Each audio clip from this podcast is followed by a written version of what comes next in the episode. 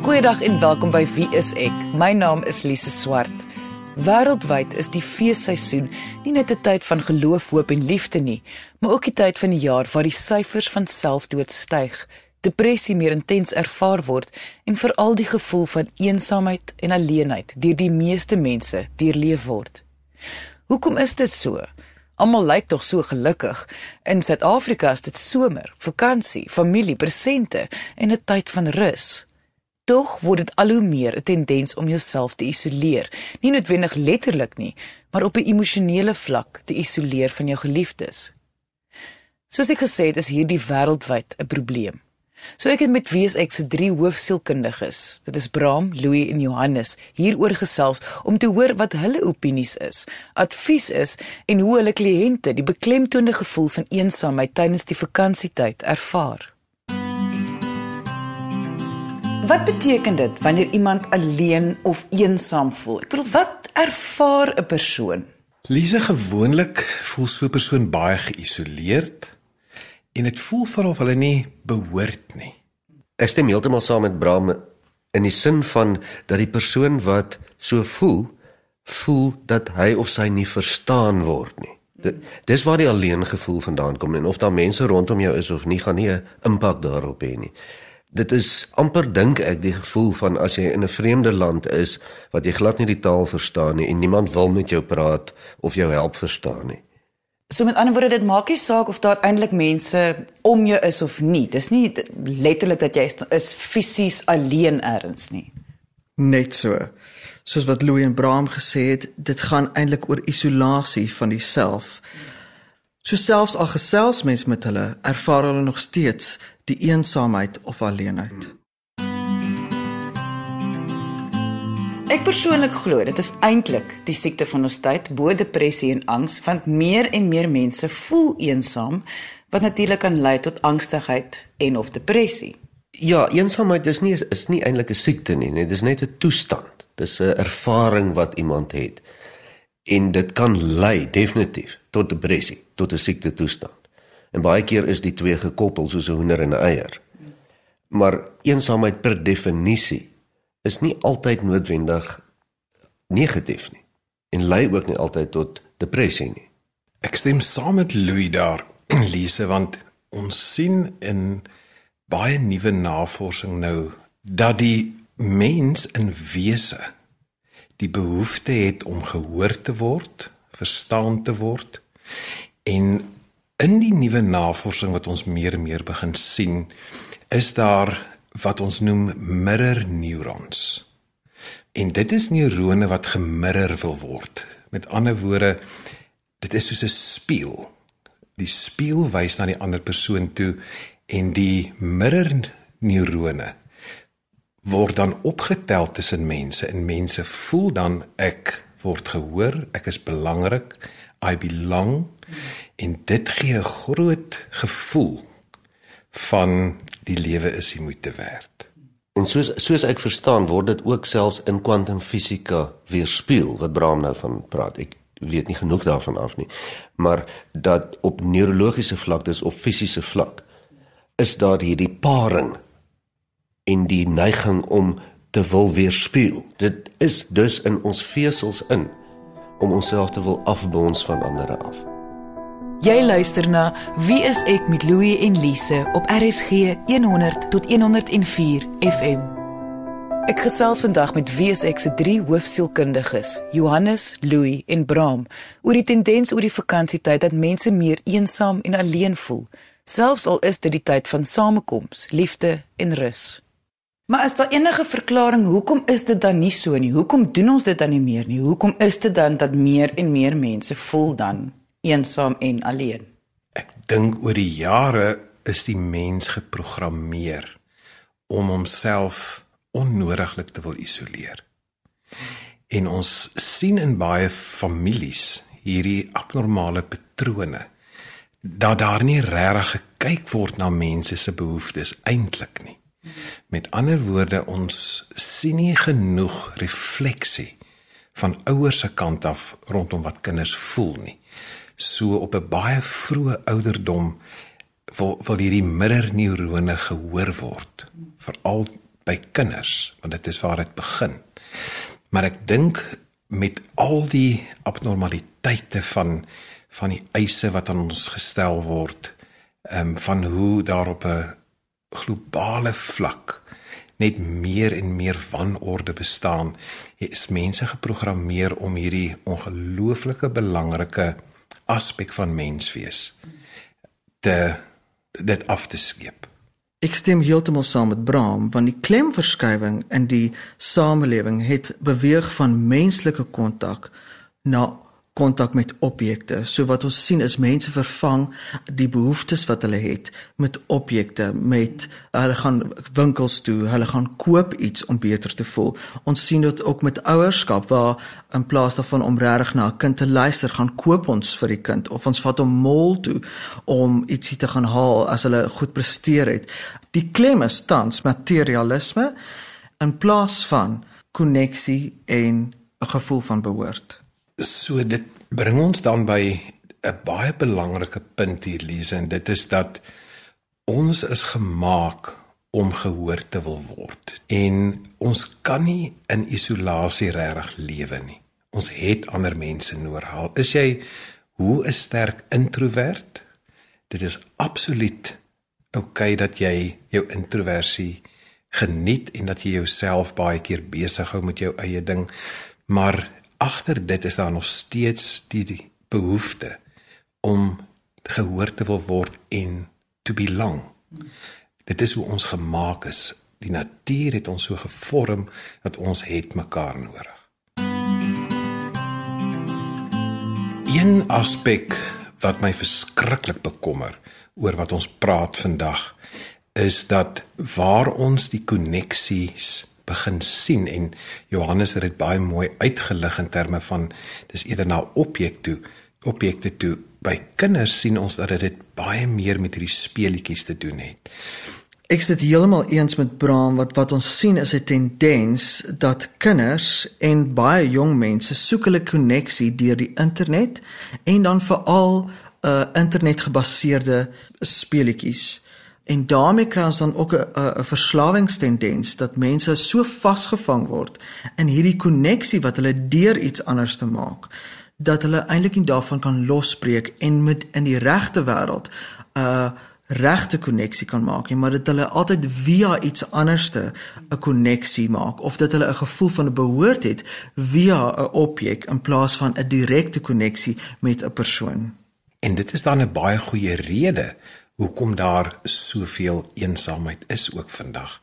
Ons begin dit by kinders sien, ons sien dit by adolessente, by volwassenes en dit is 'n nuwe generasie tendens wat eintlik baie kommerwekkend is.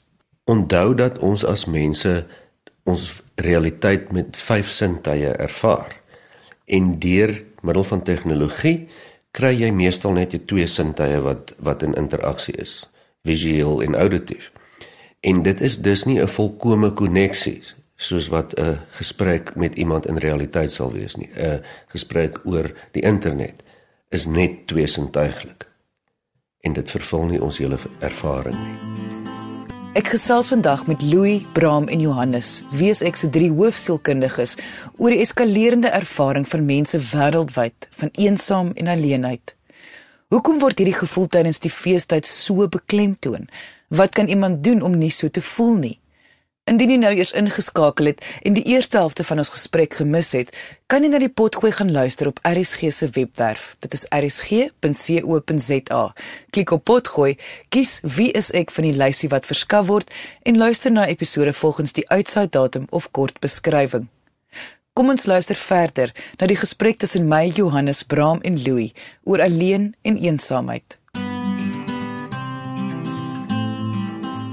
Weet nie of dit nou 'n simpel vraag is nie, maar kry mens iets soos 'n depressie wat eintlik net tydens hierdie vakansietye of die Kerstyd uitkom? Of is depressie maar depressie en maar dis die omstandighede wat dit maar net meer uitlig hierdie tyd van die jaar? Daar is 'n tendens wat ons uh, sien dat mense 'n seisonale depressie kan kry. En ons as Suid-Afrikaners is dalk nie altyd so gewoond daaraan nie, maar in Europa veral waar hulle lang winters het, kry mense 'n seisonale depressie waar hulle depressief word tydens die wintertye omdat daar weinig son is.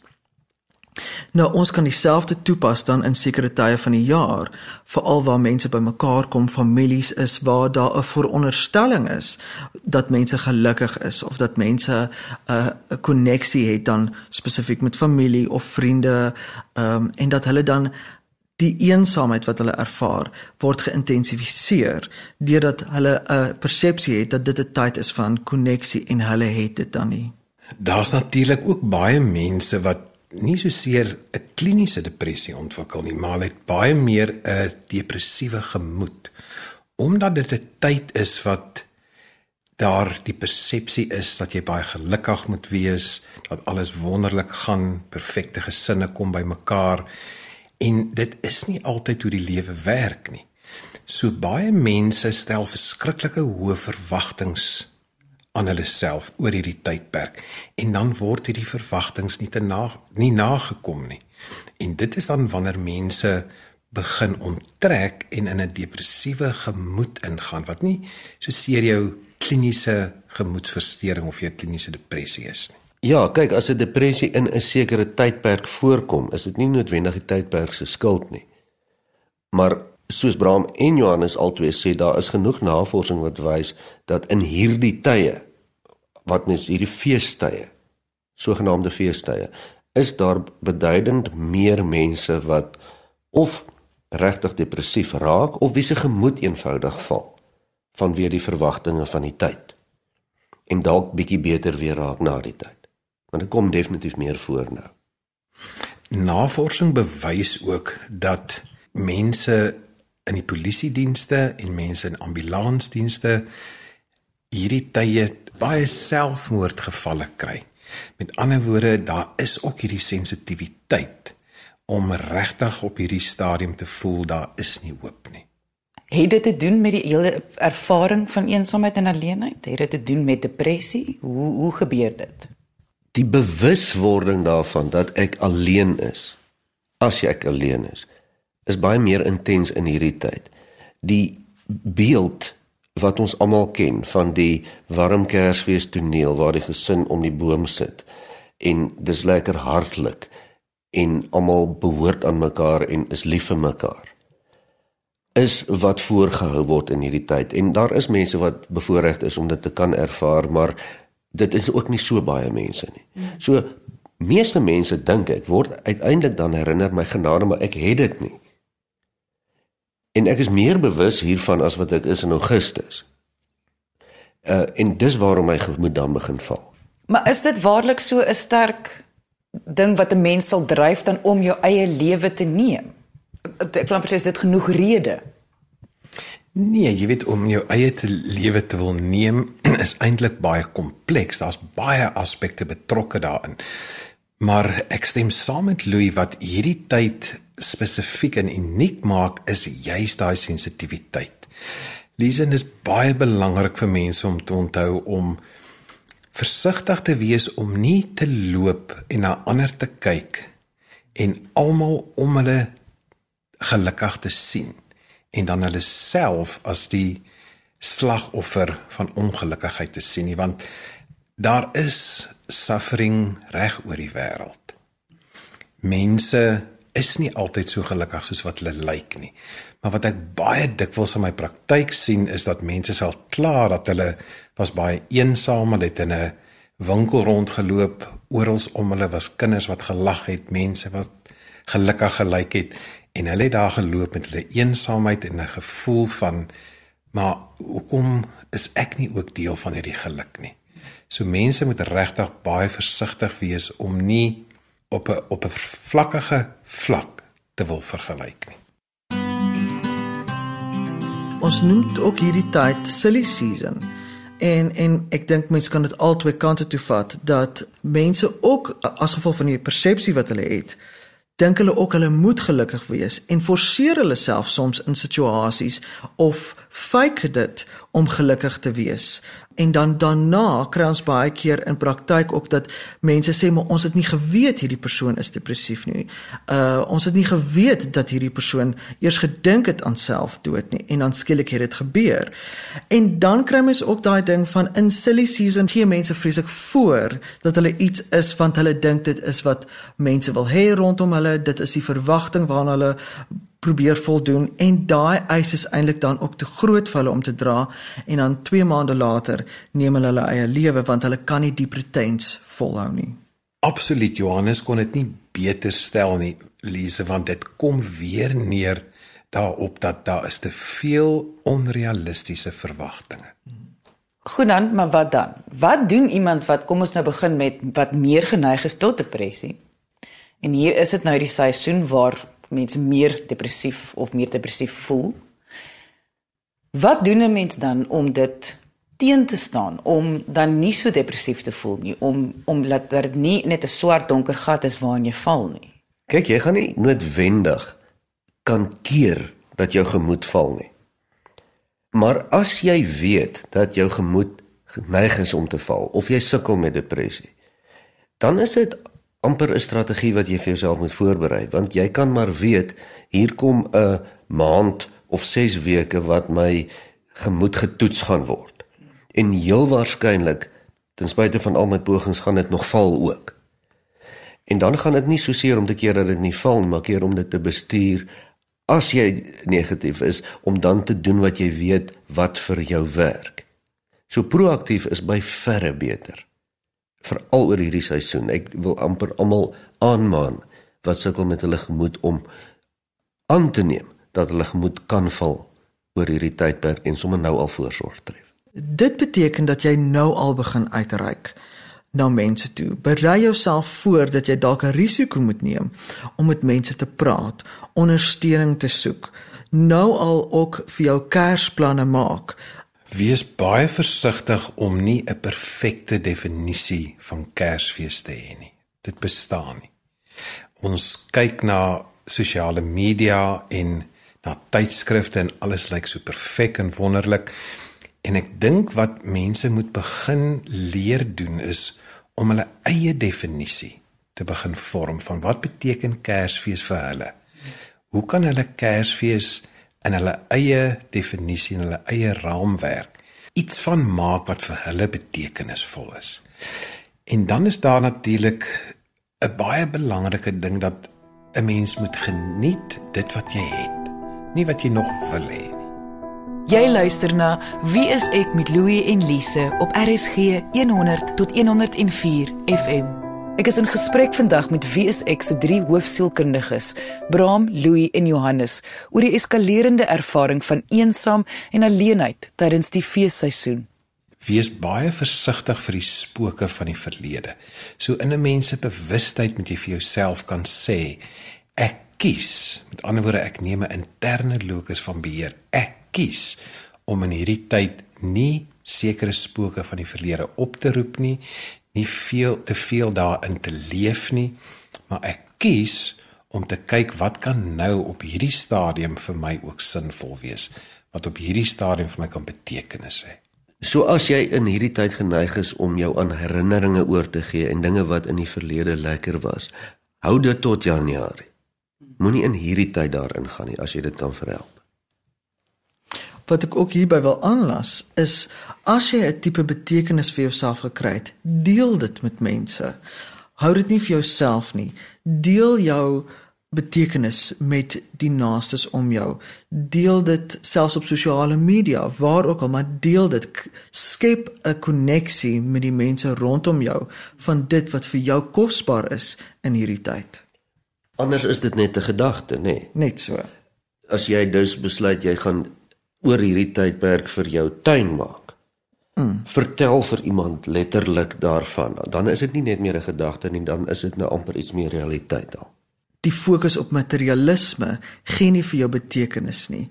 Skep vir jou in hierdie tyd wat 'n betekenisvolle tyd is, iets wat kosbaar is, iets wat vir jou persoonlik iets beteken, maar ook iets wat jy kan deel met mense wat nie met die materialisme te maak het nie, maar eerder met koneksie, bewustheid en gevoel en deel dit met ander. Ja, almal kan nie bekostig om 'n duur geskenk vir hulle kinders te koop nie hmm. of selfs dalk enigsins 'n geskenk te koop nie. En daar's tog geen skande daarin nie. Maar wat jy kan doen is soos Johannes voorstel, is jy kan dalk die dag spandeer om met jou kinders te speel hmm. en 'n uh, nuwe speletjie te leer wat jou niks kos nie. Dit smee bande en dit bou herinneringe op.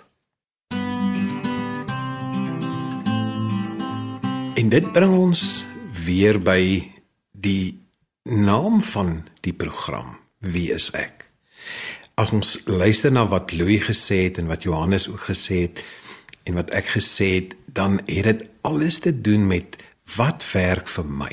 Wat is my definisie? Hoe kan ek myself leer ken in die Kerstyd ook? Wat aansluit by wie is ek? Ek hoef nie soos ander te wees nie. Ek hoef nie rond te loop en te dink ander is almal gelukkig en ek is ongelukkig nie. Jy kies om ook jou eie geluk vir jouself te definieer. En dan kom jy uit by wie ek is. Ek ervaar dwars deur die jaar in die praktyk dat mense vir my sê almal om my is so gelukkig, dis net ek. En dis die uitdrukking eintlik van die eensaamheid of van die donker gemoed eerder as die realiteit, want dit is eenvoudig nie waar nie. Dit is nie so dat almal gelukkig is en jy nie. Baie mense is baie ongelukkig. Dit kan wees hoe jy voel, maar dit is nie noodwendig die realiteit nie. Eensaamheid verwys ook baie keer na dat 'n persoon homself nie baie goed ken nie. En dus, omdat daar nie 'n verhouding is tussen jouself skep dit ook ongelooflike eensaamheid want hulle het 'n verwagting dat iemand anders met hierdie behoeftes wat ek het of hierdie idees wat ek het, moet iemand anders vervul of hulle dink dat iemand anders te gaan my gelukkig maak of selfs iets anders te gaan my gelukkig maak. Die voorstel met wie is ek is dat jy jouself leer ken, dat jy 'n goeie verhouding met jouself het. En dus kan jy dan ook betekenis vir jouself, selfs in tye van alleenheid, skep. Indien jy enige vrae het vir ons span oor vandag se onderwerp, kan jy via ons webwerf ons kontak by wieisek.co.za of deur ons Facebookblad onder wieiseksa. Dankie dat jy vandag ingeskakel het. Jy moet 'n heerlike naweek hê. He. En onthou, kyk mooi na jouself.